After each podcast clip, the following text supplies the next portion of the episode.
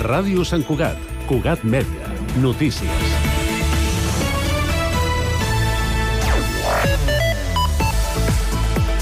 Bona tarda. El celler i botiga gourmet Colmado Quílez marxarà de l'Avinguda de Cerdanyola i es traslladarà al carrer de Cerdanya, als baixos de l'edifici on hi ha el concessionari de la Mercedes-Benz. El gerent del negoci, Toni Gual, ha explicat a Cugat Mèdia que la decisió arriba per establir-se en un local amb més visibilitat i en què els clients puguin accedir amb cotxe. En aquest sentit, l'establiment comptarà amb un pàrquing subterrani amb gairebé 200 places. El trasllat es produirà la primavera que ve i el local de l'Avinguda de Cerdanyola l'ocuparà un, un supermercat de la cadena Sorli.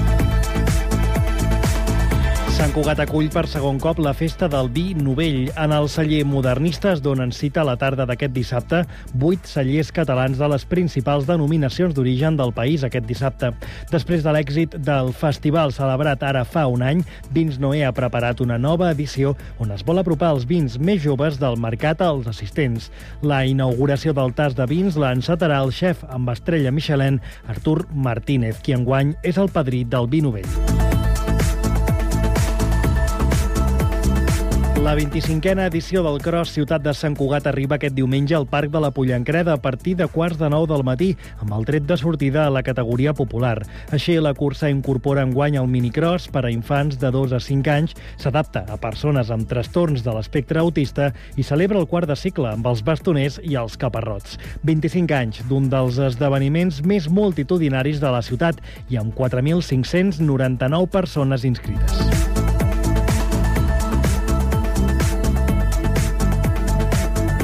Sant Cugat segueix eixamplant l'oferta esportiva per a infants i joves. Aquesta temporada ha començat a rodar la pilota del Club Polidet Vallès Esportiu, una entitat sorgida de la il·lusió de tres amics amants del futbol que aposten per oferir una millor formació. De moment, el club compta amb 37 jugadors repartits en dos equips de juvenils masculins, 5 membres al cos tècnic i 5 més a la gestió. El nou club Sant Cugatenc disputa els partits de la segona divisió juvenil a les instal·lacions de l'Escola Europa. I Juli Garcia deixa la banqueta del primer equip femení del Sanco per motius personals, segons ha comunicat el club aquesta setmana. De manera temporal, el coordinador de futbol femení de l'entitat, Tono Cadavall, s'haurà a la banqueta com a tècnic fins que es trobi la persona adequada per agafar el relleu. Garcia es va posar al capdavant del Sanco aquesta mateixa temporada i deixa l'equip en quarta posició, amb un balanç de 5 victòries, 2 empats i dues derrotes. Més informació a Cugat.cat. Cugat Mèdia, la informació de referència a Sant Cugat.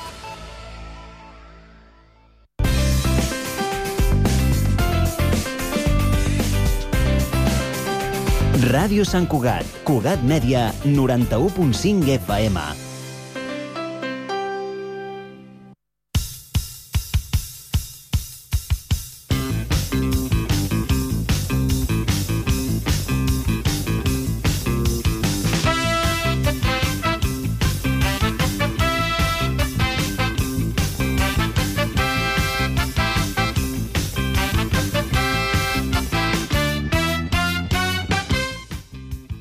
Benvinguts, estimats parroquians i parroquianes, tortugues i tortugues, benvinguts un cop més a la nostra cita setmanal amb la música.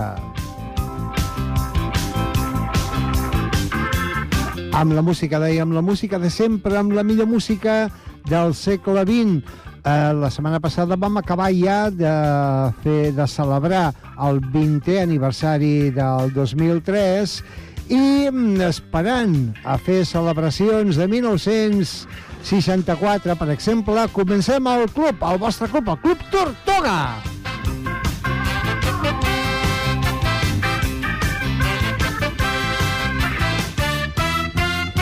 Perquè sí, perquè ja estem treballant per l'any vinent per celebrar el 60 aniversari de 1964, el 50 del 74, el 40 del 84 i el 30 del 94.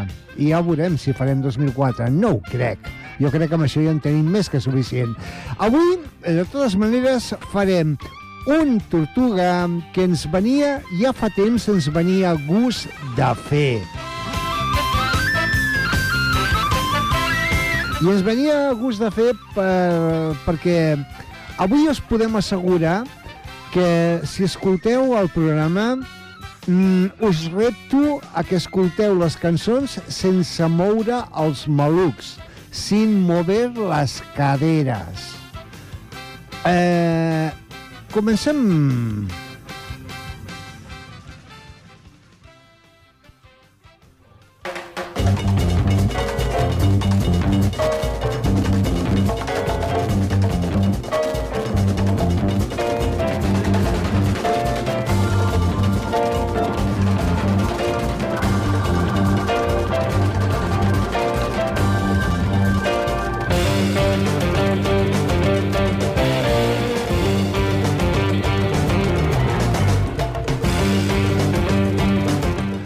Efectivament, efectivament. Eh, avui ens ve molt de gust eh, recordar a Carlos Santana, eh, que sortosament encara és amb nosaltres. Però volem recordar eh, jo especialment, eh, perquè era adolescent en el moment en el que van sortir els seus tres primers àlbums, avui farem un compendi de el Santana quan va començar. O sigui, els àlbums Santana, Abraxas i Santana 3. I a més us diré una cosa, perquè eh, Carlos Santana va néixer a Mèxic, eh, el seu pare era, era eh, un mariachi que viatjava molt cap a Califòrnia i cada vegada que venia a, cap a Mèxic li portava discos eh, nord-americans, de música nord-americana. I eh, el Carlitos, el petit Carlitos, li agradava molt el blues i aleshores ell volia tocar la guitarra, no volia saber res de ranxeres ni de corridos, ell volia tocar blues. I el seu pare un dia li va portar una Gibson Les Paul. Mm, fixa't quins regals que fan alguns pares, eh? Li va portar una Gibson Les Paul i el nano es va escapar eh, 16 mm, anys cap a Califòrnia eh, els d'immigració el van tornar un altre cop cap a Mèxic i ell es va tornar a escapar fins que al final van dir, bueno, mira, escolta, eh, que faci el que vulgui. Es va establir a San Francisco i allà van muntar una banda amb altres mexicans com ell eh, i la va anomenar Santana Blues Band. El 1968 eh, va conèixer amb un músic nicaragüenc que es deia José Arias, conegut com a Chepito Arias, i un teclista nord-americà, que era eh, Tom Coster, i aleshores van decidir, ostres, podríem fer alguna cosa especial, no? I, efectivament, i barrejant el que és, diguem el blues, barrejant el jazz i barrejant la música llatina i la música africana, eh, van gravar una maqueta per la CBS Records el 1969, eh, els de la CBS, quan van escoltar la maqueta, van dir eh, esteu bojos o què? Aleshores van agafar la maqueta i la van eh, guardar en el olvidadero, saps? Allà on arxiven tots aquests projectes que eh, no sortiran, vamos, però ni en broma. I i amb això, al cap d'un mes i poc, es celebra el Festival de Woodstock. Woodstock, evidentment, els, els promotors del festival es van gastar molts diners amb les grans estrelles, després diu, ja no queden diners per omplir tres dies de, de concerts. I van començar a contractar gent desconeguda. I un dels contractats va ser Santana. Santana van ser els encarregats de eh, trencar el gel, mai millor dit, perquè van actuar després d'una tremenda tempesta que va amenaçar durant quatre hores que s'acabava el festival, i ells van actuar i, carai, van caldejar tant, tant, tant al públic que mm, gairebé no es van deixar sortir de l'escenari quan va acabar la seva intervenció. Uh, un productor de la CBS van dir ostres, aquests tios són molt bons, hem de gravar un disc. I algú se m'ha recordat, però si el tenim. I corre cuita a l'Olvidadero, van agafar la maqueta, la van editar i al setembre es publicava el primer àlbum de Santana. O sigui, si no arriba a ser pel Festival de Woodstock, possiblement avui en dia no coneixeríem a Santana. I què és el primer que ens va arribar a nosaltres, en el nostre país? Va ser un single. Abans de publicar-se a l'àlbum, com no sabien en aquest país com agafarien aquestes coses, dir, ho provem primer amb un single. I carai, com va funcionar el single. Va ser el propi 1969 pels Nadals, me'n recordo que va ser. I aquí el tenim, el primer single editat a Espanya de Santana. Amb vosaltres, Jingo!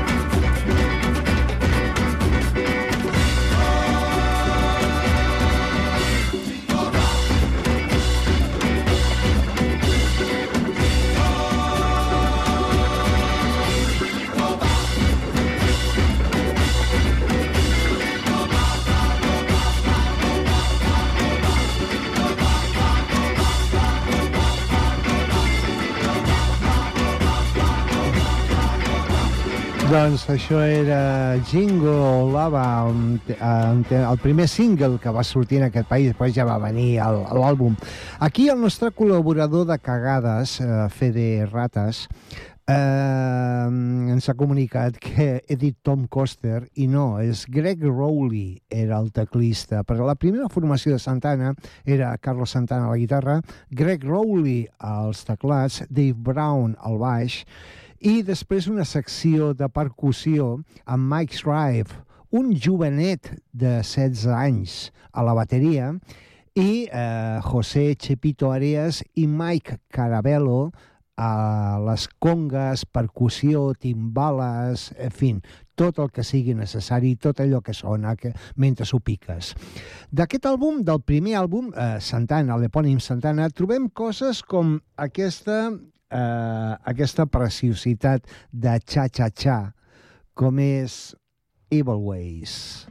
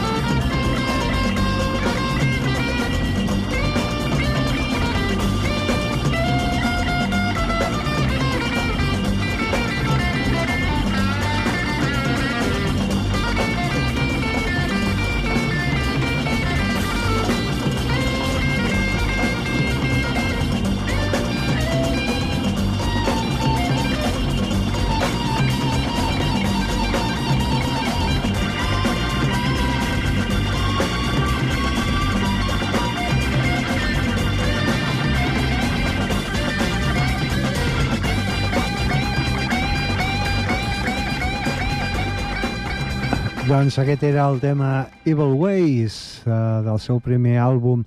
Eh, les dues primeres cançons que hem posat, Jingo i, i aquesta Evil Ways, no eren de producció pròpia, eren d'altres compositors.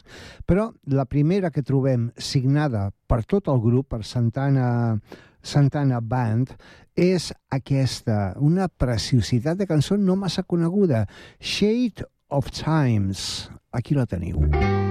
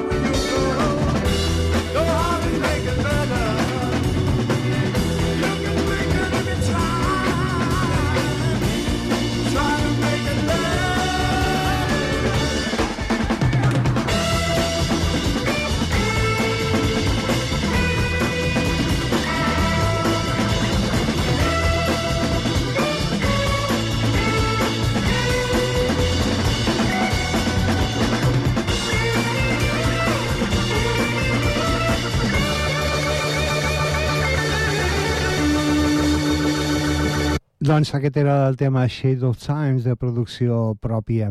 Eh, ara sí, ara sí que us demanaria de que agafeu, seieu, us poseu ben còmodes i tranquil·lets, eh, acompanyeu-vos, eh, jo que sé, d'un whisky o el que sigui, i escolteu aquesta preciositat instrumental del primer àlbum, un tema que es diu Treat, i així sona, gaudiu-lo.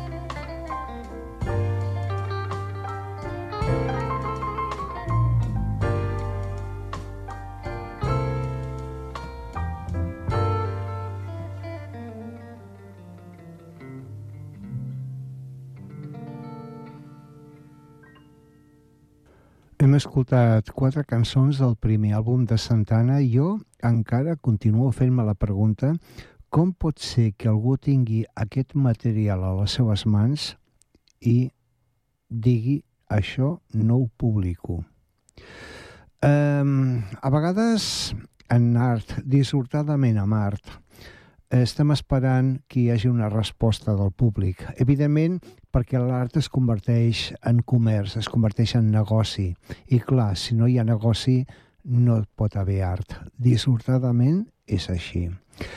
Eh, la, sigui com sigui, el segon àlbum, el 1970, Abraxas, ja no va haver cap mena de problema per publicar-se. Eh, li van dir que podia disposar del que sigui necessari. I van treure un gran àlbum. Possiblement, la gent diuen que és el millor àlbum de Santana. Jo no estic d'acord, m'agrada molt més el primer. Però eh, Abraxas és un àlbum genial i sobretot quan tens versions una versió d'un tema que es va fer més famosa que la pròpia versió original dels Fleetwood Mac, dos anys enrere, que es tracta la versió de Santana de Black Magic Woman, el 1970. Aquesta...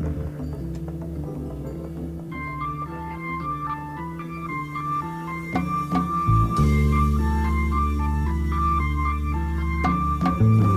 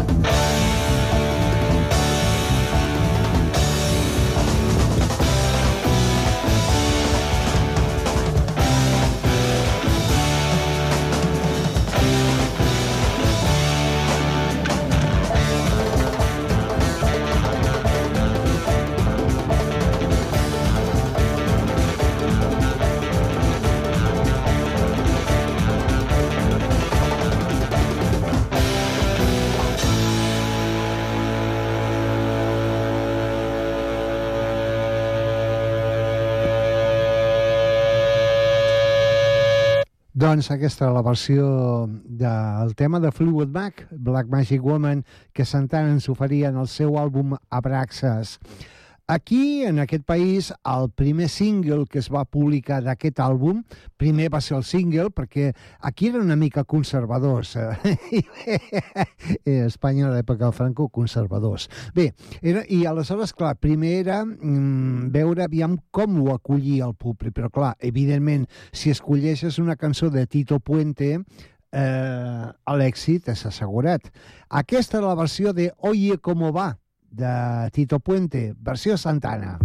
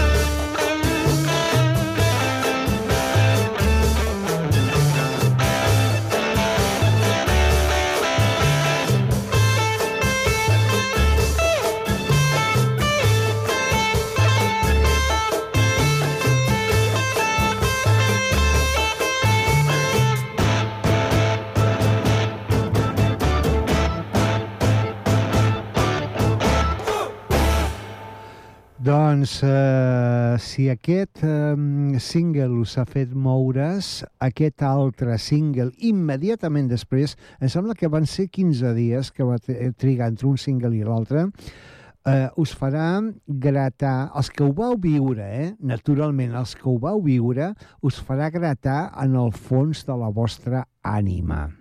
Esteu preparats? No cal ni que ho presenti.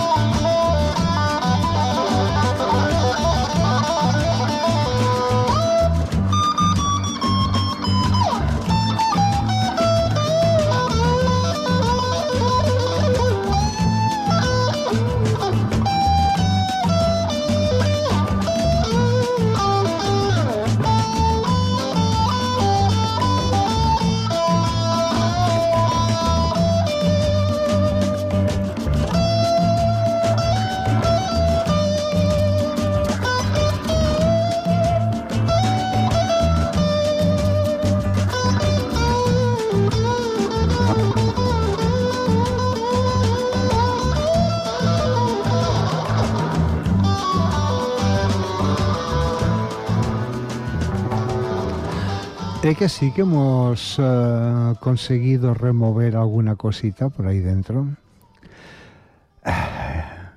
fantàstic àlbum, el segon àlbum, Abraxas, de Santana.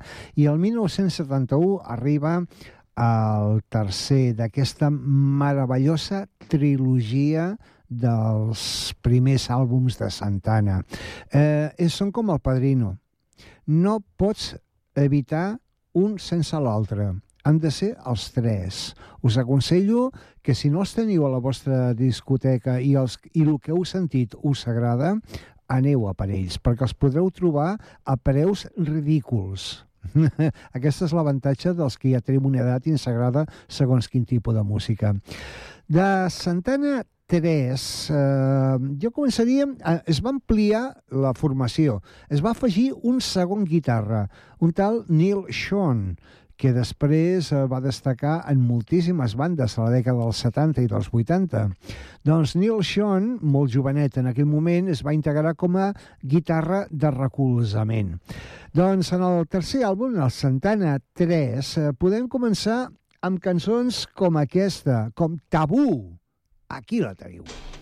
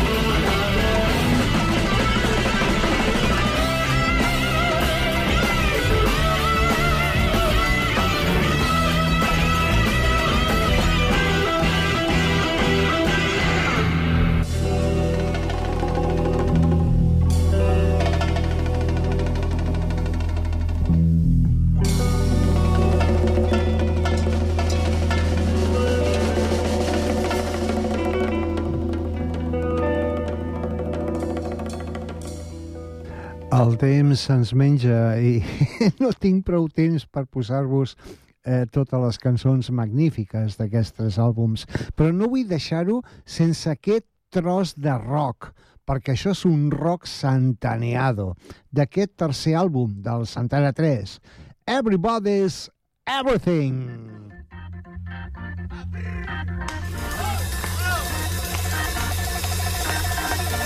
Seems